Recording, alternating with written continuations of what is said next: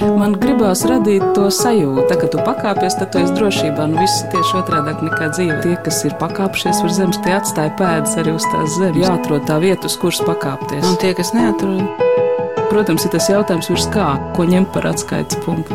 augstāk par zemi. Augstāk par zemi. Augstāk par zemi. Esiet sveicināti! Šī gada Latvijas literatūras gada balvā ir nominēts Kristīnas Ilziņas stāstu krājums Es neliecināšu pret jums.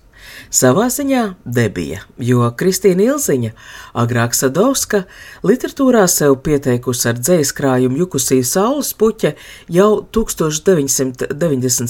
gadā. Tas tika novērtēts arī ar Klāva Elsberga prēmiju. Kopš tā laika vairāk rakstījusi bērniem, un tagad ar stāstu krājumu es neliecināšu pret jums, aizsākusi rakstīt prózu pieaugušajiem. Debija prozā. Man liekas, ka rakstīšana jau vispār kaut kādā brīdī kļuva par manas dzīves sastāvdaļu, tāpat kā lasīšana. Vienkārši beidzamajos gados es droši vien daudz, daudz, daudz vairāk esmu lasījusi nekā rakstījusi. Patreizējā Kristīnas Ilziņas darba vieta ir izdevniecības zvaigzne ABC. Mans vārds ir Anna Buševica, un iemesls, kāpēc man likās, ka jaunais stāstu krājums varētu būt labs iegansts interesantai sarunai. Stāstos pierakstīts arī manas paudzes atmiņas. Sižeta aptver desmit gadi pirms un pēc pagājušā gadsimta 90. Te ir gan atmods gadu viļņošanās, gan sociālie konflikti daudz dzīvokļu namu pagalmos, dzels priekškara krišanas apjukuma atraisīta ticība ekstrasensiem, īpašumu denacionalizācija, kas klases apsmieto puisēnu pēc gadiem uznes sabiedrības hierarhijas augšpusē. Cik ilgi tap šie stāsti? Lielākā tiesa ļoti īsā laika posmā. Tie senāko laiku stāsti varbūt bija tapuši agrāk, bet tie, kas attiecas uz to 80. gadu nogali, tie gandrīz visi tapa no marta sākuma līdz maija vidum vai apmēram tā. Pagājušā gada. Jā. Tad, kad sākās karš Ukrainā. Jā. Tas bija tas impulss. Jā, man liekas, ka tas skan ārkārtīgi nu, banāli un triviāli. Bet man liekas, ka, jā, ka tas ir tas brīdis, ka nu, tagad, tagad man kaut kā ir jāuzraksta tās dažas atmiņas, nu, kas man ir literārizējušās, tā varētu teikt. Bet tas arī ir tas, kas noticis, ka šīs atmiņas šobrīd, patreizajā kontekstā, izskan pavisam citādāk. Tās vairs nav tikai atmiņas par jaunību, tā ir savu veidu no apsūdzību Krievijai, kura nav īpaši mainījusi savu vēlmi iejaukties citu valstu politikā un citu cilvēku dzīvēm. Es pat nedomāju, ka tā ir apsūdzība Krievijai. Nu, mēs vienkārši, mēs, mūsu paudze, mēs zinām, kāda ir Krievija. Mēs vienkārši to esam piedzīvojuši. Bet tie cilvēki, kas šobrīd ir savas dzīves plaukumā, kam ir 25, 35, 40, viņi to nezina. Šobrīd ir kaut kādā mērā modē arī idealizēt pagātni. Bija bezmaksas medicīna bija ārkārtīgi zemi komunālie maksājumi. Par divām kapekām tu varēji zvanīt un runāt visu dienu. Nu, tad tas piebildes, ka, teiksim, ka jebkurš pie ārsta gāja ar kaut ko. Nu, vismaz ar kaut kādām nenopērkamajām konfektēm, vai smaržām, vai konjaku, vai nu, aploksni pie tā paša bezmaksas ārsta, jo tad mainījās attieksme. Vai arī, teiksim, telefona būdiņa bija tāda, ka tu varēji zvanīt par Rīgu par tām divām kapekām vai pat par velti, jo bija automāti, kurus mēs saucām par komunistiem, kuriem uzsitot pareizajā vietā.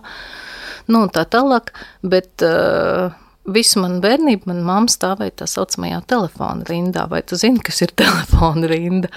Vēlme, lai tavā dzīvoklī būtu telefons. Un tie bija vairāk kā 20 gadi, un tajā dzīvoklī tā arī nepienāca. Nu, tagad tas vispār nav aktuāli, jo katram ir savs mobilais telefons. Nu, tās ir tā laika realitātes, kas šobrīd šķiet vienkārši neiespējamas. Vai tas nav dīvaini, ka beidzot savas atmiņas tikai tagad ir sākus rakstīt tā paudze, kurai, nu, tad, kad bija barikāds, bija 18? Tās vairs nav tās liecības, kas bija iesaistītajiem, kas uh, sauca datums, kas sauca iesaistītās personas. Šīs ir tādas liecības, kas liecina par to sajaukto laiku, vairāk par tādām iekšējām sajūtām. Varbūt kaut kāds izskaidrojums ir rodams. Es nesen um, lasīju viena dāņu psihologa grāmatu par cilvēku attīstību. Principā tur bija par vecāku un bērnu attiecībām, kā būt vadošajiem vilkiem, ja pareizi atceros, bija tas nosaukums. Tur viņš sacīja tā, ka cilvēks savus vecākus un vispār savu bērnību tā normāli izvērtēt var pēc 40 gadu vecuma. Un agrāk tur vēl ir visi tie aizvainojumi, tur ir visas tās attiecības ar vecākiem kā bērnam, nevis kā pieaugušam cilvēkam, lai gan mums taču liekas, ka mēs esam pilnīgi pieauguši jau tajos 16, 18, 21 vai kā nu mums tur kurā brīdī tiek rēķināts. Nu jā, un man liekas, ka tam ir kaut kāda saistība. Es tev stāstu sadalīju trīs grupās.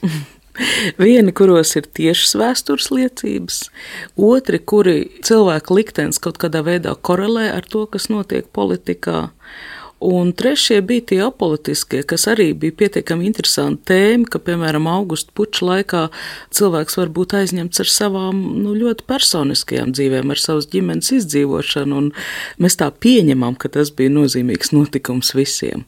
Varbūt sāksim ar šo pirmo grupu, kur ir tiešas, skaidrs vēstures liecības, un es piebildīšu, ka vēl kas ir uh, brīnišķīgi tavos stāstos, ka tur ir atsauces, ka tu to informāciju brīžiem pasniedz ļoti precīzi. Piemēram, stāsts akmens galvas par nogāzto čaku pieminekli. Lūk, arī atsauce. 1987. gada 20. maijā trīs jaunieši nogāza tēlnieces Lūcijas Žurgins radīto dzēnieku Aleksandra Čaka akmens galvu ziedoņdārzā Rīgā.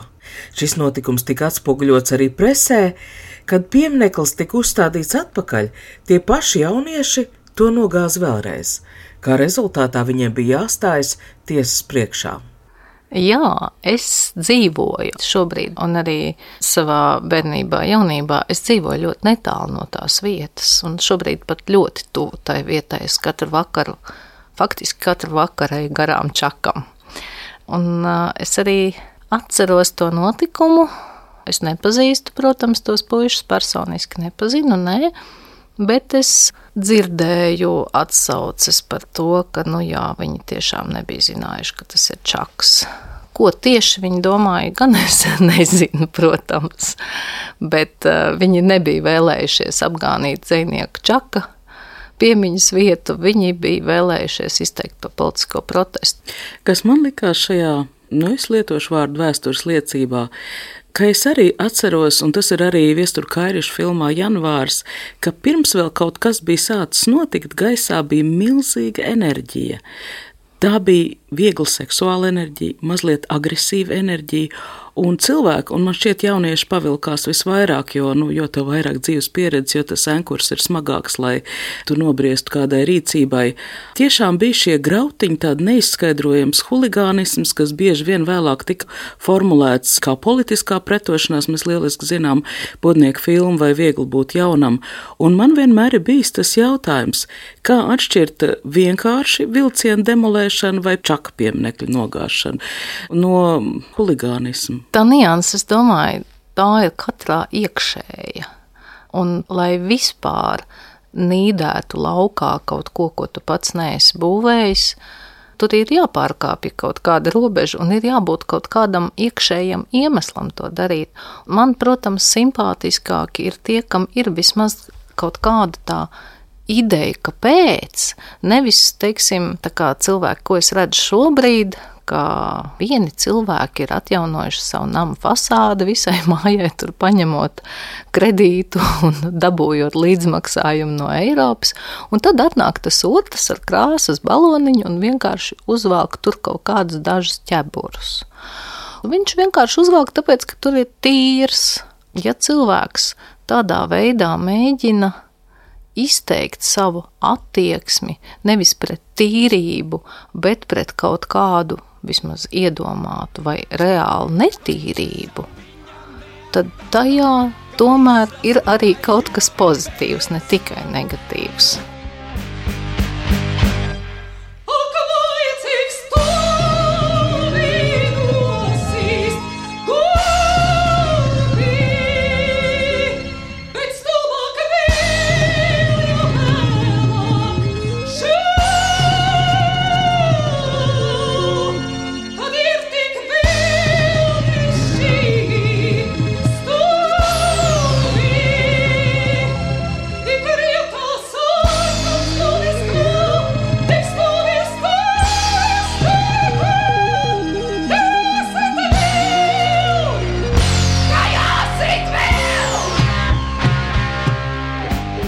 No tavā stāstā šie varoņi pat nezina, kas ir dzinieks čaks un ka tā ir čaka galva. Bet varēja būt arī citādāk, ka tas ir ļoti erudīts cilvēks un viņš nosoda čaku par kolaboracionismu. Tajos laikos es pieņemu pat diezgan erudīts pusaudzis varētu nezināt, ko nozīmē kolaboracionisms. Vismaz čaka sakarā pilnīgi noteikti nē.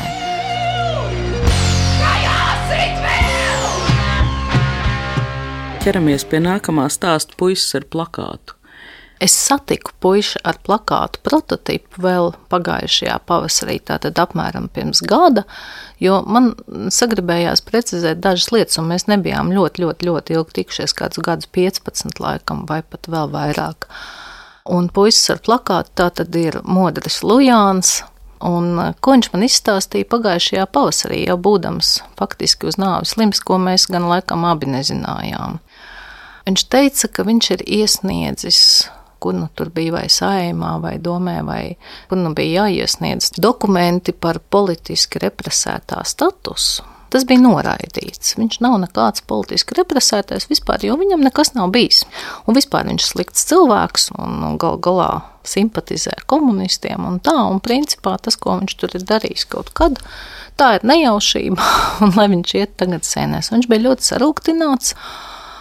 Es gan tāpat jau to stāstu biju daļēji sākus rakstīt, un man tiešām gribējās tikai kaut kādas detaļas noprecizēt, piemēram, cik ilgi viņš bija tajā cietumā un tā. Bet eh, no otras puses, man arī likās, ka tas ir kaut kā saknē aplami. Tomēr, jo nu, viņš bija ieslodzīts vairāk kā mēnesi. Es domāju, ka jebkuram jaunam cilvēkam, kurš pēkšņi nokļūst penitenciārās sistēmas gūstā, es pat nespēju pat attāli iztēloties, kas notika tajos laikos un vīriešu cietumā. Caur logu atlidinājās zirdziņš, avīze, padomju jaunatne, tikai pāris dienu veca. Tiesa ne visa, vienīgi pirmā un pēdējā lapa. Stariks kā galvenais to brīdi svarīgi paturēja rokās, aplūkoja, pagrozīja un pēkšņi līksmi un lepni iebakstīja ar pirkstu tieši lapas vidū. Skadbļā, rekušie pa profesoru raksta, Vefkom jauniešu atklātā vēstule Oba nā, tak tīži un naznameņītosts. Arī stāstam puisis ar plakātu, pamatā ir dokumentāls fakts. 1988. gada 14. jūnijā, kad notika mītiņš, uz to 24 gadus vecais VF strādnieks Modrs Lujāns ieradās ar plakātu, uz kura bija uzraksts lāsts tautu slepkavām un Staļina Molotova Ribbentropa attēli, kā arī uzraksts Nē kangariem un Latvijas komunistiskās partijas vadītāja attēli. Lujāns plakātu turēja aptuveni desmit minūtes, un tad to noslēpa. Mēnesi vēlāk prokuratūra uzsāka krimināllietu pret viņu par sevišķi bezskaunīgu huligānismu, kā arī apzināti nepatiesu izdomājumu izplatīšanu par partijas un valsts vadītājiem. Saistībā ar šiem notikumiem Lujāns Toreiz tika saukts par pēdējo padomju disidentu, taču, kā dzirdējām, ne šobrīd. Noraidījums tika pamatots ar to, ka minētajā krimināllietā Lujāns tika attaisnots vēl pirms tiesas un atbrīvots tiesas zālē. Tas skaitījās nevis cietumsots, bet iepriekšējā izmeklēšana. Es saprotu, ka tā, ja cilvēks ir izdarījis kaut kādu gana smagu noziegumu, tad viņu arī izmeklēšanas laikā var paturēt apcietinājumā. Vēlāk, ja piespriež, piemēram, īstu cietumsodu, tad šo te apcietinājumu laiku ierēķina iekšā.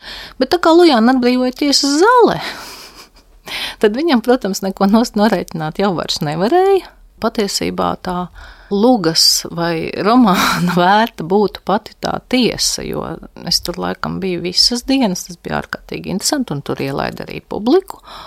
Un tas, ko cilvēki darīja, pieauguši, nopietni cilvēki, gan no Rakstnieku savienības Māras vīra, gan, um, man liekas, Rūta Veidemane valodniece, gan advokāts Bruno Liberts. Nu, tur bija ļoti, ļoti, ļoti daudz cilvēku, kas izdomāja dažādus āķīgus un asprātīgus iemeslus, kāpēc šo te puisi nevajag notiesāt un iebāzt cietumā. Kaut vai tā procesa dēļ, tas bija tāds ārkārtīgi interesants notikums, jo tas bija faktiski politieslodzīts cilvēks, kurš nevis tika notiesāts un aizbraucis uz Mordoviju vai vienalga, kurien, kur nu tādā laikā viņu varētu sūtīt, bet iznāca ārā. Profesors lasīja, mazliet neveikli lasīto uzreiz tulkoja krieviski un ik pa brīdim skaļi nošņauca degunu.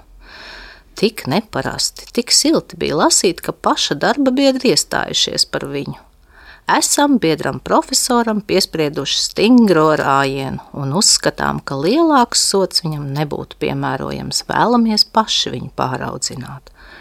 Balss aizlūza, bet viņš to veikli pārvērta klepū. Zalatīja slavā, zalatīja pārņiena ētam vašam zavoģe, negaidīt atskanēja starika balss. Tevi novērtē, puis, un ne tikai tevi, ieskaties dziļāk, viņš turpināja. Mainās laiks, mainās. Bet kāda bija tā motivācija, lai pēc tik daudz gadiem Modris Lujāns vēlētos saņemt šo politiski represētā statusu? Viņš jutās aizmirsts.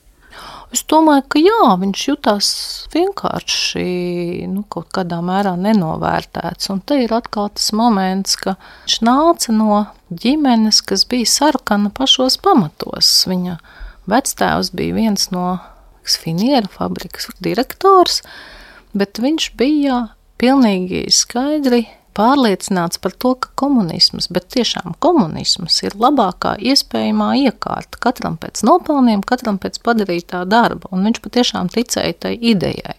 Ir jābūt arī kādai kreisai partijai, kas iestājas par valsts atbildību pret cilvēku, ka valsts finansēs medicīnu, ka valsts palīdzēs arī ar izglītības. 15,000 bērnu analfabētu. Un katru dienu šis skaits paliek. Motra Lujāna dzīves stāsts ir interesants kā vēstures liecība un arī pamācīgs tieši izstāstīts mūža garumā, varbūt pat visas dzimtas mērogā. Īstermiņa atmiņā Modra Lujāna ideālista tēlu krietni pabojāja politiķa karjerā. Viņš bija deputāts 6. un 7. saimā, kā arī Rīgas domē. Sauc saskaņas partijas sastais saraksts, Mods Lujāns Rīga 18. Tad, kad es ar viņu satikos pagājušajā pavasarī, man likās, bāc, mēs tagad, vat es tagad pabeigšu to grāmatu, es atdošu to man, un tad mēs kaut kad apsēdīsimies un mēs kārtīgi izrunāsimies. Un tad viņš man piezvanīja kaut kad vasaras nogalē, teica, es esmu slimnīcā, atbrauc, atved man ūdeni, es aizbraucu, un divas dienas vēlāk viņš bija mīris vai trīs dienas vēlāk. Tas, ko mēs atminamies, vai atmiņām ir kāda būtiska jēga? Pat tām, kuras turam dārgas, ar kurām mēģinam dalīties, vai nevar būt tā, ka tās interesē vienīgi mūs pašus, raksta Kristīna Ilziņa vienā no krājuma Es neliecināšu pret jums stāstiem. Nu tad, vai atmiņām ir jēga? Man liekas, ka šā brīža jaunā paudze vispār neuzzinās tos mūsu stāstus viena iemesla dēļ. Tie nav internetā. Nē, bērni nesastop savus vecvecākus, jo vecvecāki strādā. Mēs tik daudz, tieši tie patsmitnieki tā laika, mēs tik daudz zinājām par brīvo Latviju tieši tāpēc, ka mums bija tie vecvecāki, kas stāstīja. Jā, lūk, šis ir brīvās Latvijas karoks, es to zināju. Es zināju, kā sauc ielas Rīgā pirms kara. Jā, man vecāmām arī mēdz teikt aizēju uz Kārļa Markas vārdā nosaukto ķetrlūdas ielas bodīti, ja? Un mums bija mājās vecā Rīgas karta ar vecajiem ielu nosaukumiem. Mēs zinājām, tad, kad ielām atlika atpakaļ tos nosaukumus, mums nebija problēma ar to, kas tā par ielu tagad ir.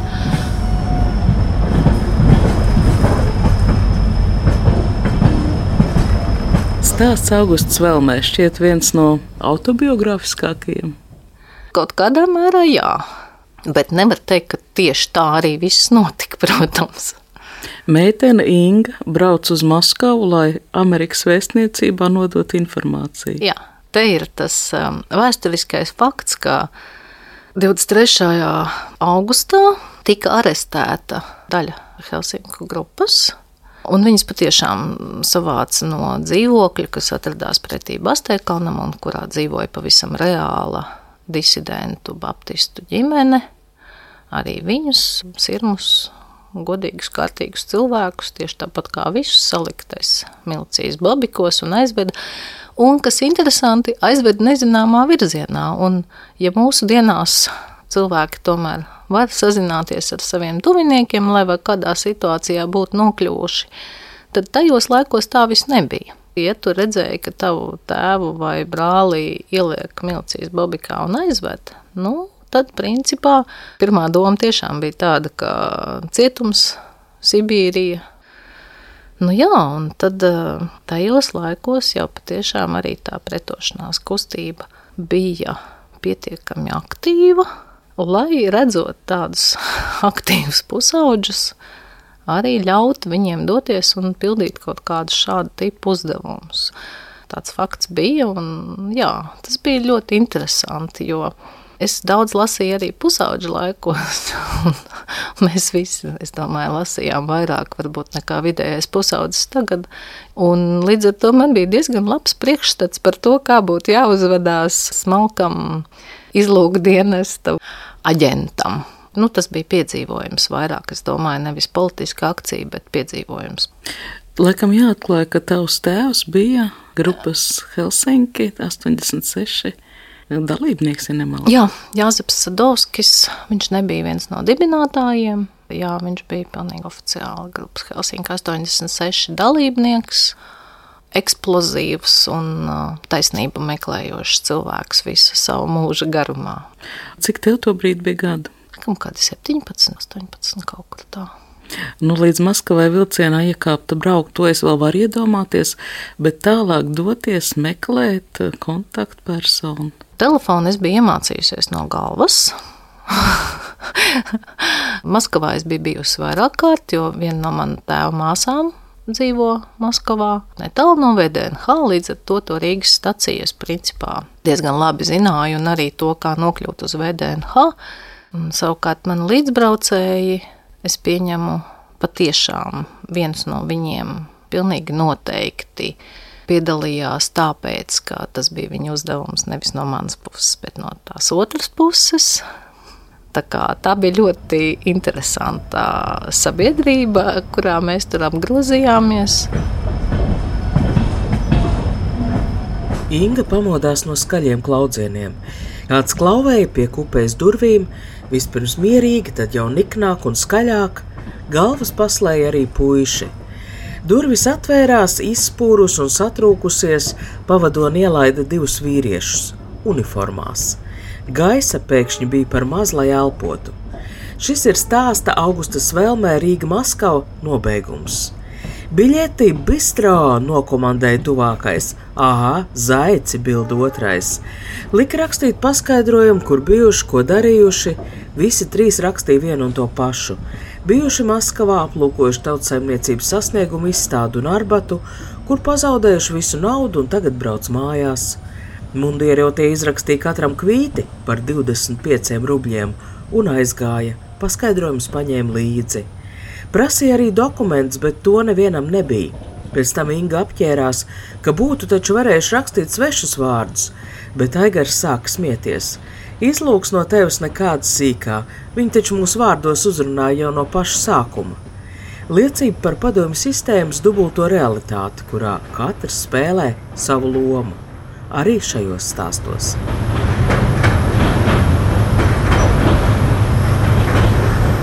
Nu, iedomājies, ja teiksim, visu mūžu garumā tu cilvēks masu mēdījos, to varas komunikāciju, nu, tie ir vieni vienīgi meli. Un tu lasi, ka Černobiļā nekas tur nenotika, un tur viss ir pilnīgi labi. Un tā, un, un tad tu paklausies, protams, Amerikas balsi, un tur atkal saka, kā tur tā. Un, un tad tev ir jāizvāk tas kaut kāds vidējais, un jāsaprot, vai tagad vispār iet ārā, vai labāk iet lejā uz pagrabu un palikt tur. Un tā arī jebkuru ziņu par jebkuru notikumu pasaulē. To tā aprakst vienā no stāstiem Zoo un Metro, to, kā notika ziņu izplatīšanās. Piemēram, trolejbusā saruna par Gunāra Astras bērēm. Un tas tiešām bija viens no veidiem, kā izplatījās šī alternatīvā informācija. Tajos laikos bija tāda nepārtraukta alternatīvās informācijas plūsma. Piemēram, manai mammai bija viena draudzene, kas informēja rajona ietvaros par visiem kriminālajiem notikumiem, kas bija gadījušies mūsu rajonā. Kā viņi viņus uzzināja, es īsti nezinu. Bet viņa pilnīgi noteikti savā mazliet īpatnējā izloksnē teica, un šeit, šajā te padvarotņā tikko aizvakar viena meiteni izvaroja, četri puiši izvaroja. Bija cilvēki, kas vai nu zināja vairāk, vai vienkārši bija labāki stāstnieki, un tad vēl bija arī cilvēki, kas patiešām piegādāja informāciju šīm ārzemju raidstacijām. Tā kā manā stāstā minētais Bumbins, kam ir pilnīgi reāls prototyps Mihails Bombins, kas patiešām strādāja Rīgas zooloģiskajā dārzā, nu viņš arī jau ir nelaiķis, lai miers viņa dvēselē. Viņš patiešām nodarbojās ar šo informācijas nogādāšanu aiz robežas. Kā viņš to darīja, es nezinu. Jo viņš bija pieaugušs cilvēks, un es nebiju. Un, un tādas jautājumas vispār, man liekas, neviens neuzdeva, ja nu vienīgi cilvēki no orgāniem. mans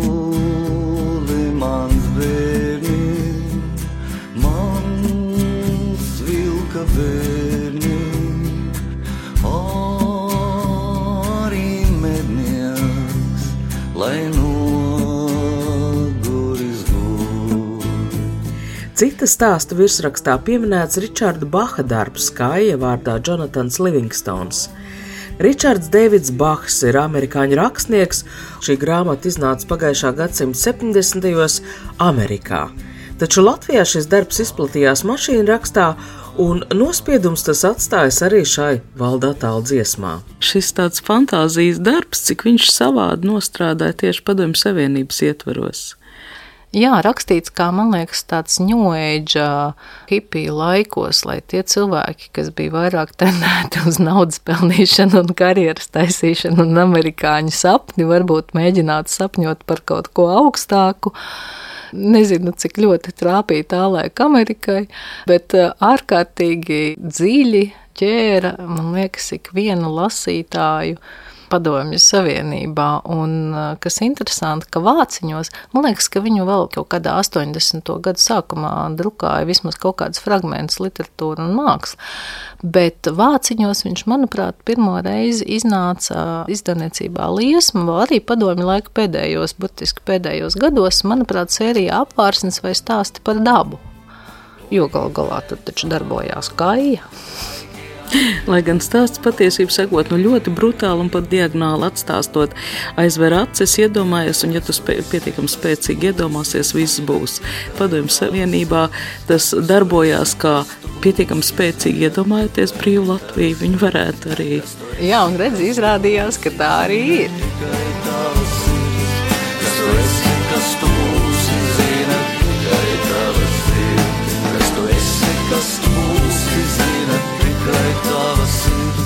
Kas tu esi, kas tu būsi, zina tikai sirds. Viens no stāstiem, kas eh, ļoti uzrunāja, bija puča laika romāns. Par sievieti, kura nu vienkārši stāv rindās pēc maļutkas, jā, lai nu, pabarot bērnus, pabarot savu ģimeni. Un tas pučs tur ienāk tikai zemesvītas piezīmēs, ka puča laikā nošāvās Boris Pugo tas puķis tur ienāk kā tiešais katalizators. Jo, principā, kāpēc viņai vajag to pārtiku tagad uz priekšu? Tāpēc, ka viņa jau ir pieradusi, jo Haidī, ja tagad, tagad būs atpakaļ tas, kas bija, viņa zina, tad nebūs, tad nebūs tās pārtikas, nu nebūs tās zīdaiņu barības. Tā ir tieša, normāla cilvēciska reakcija uz briesmām, kas nāk.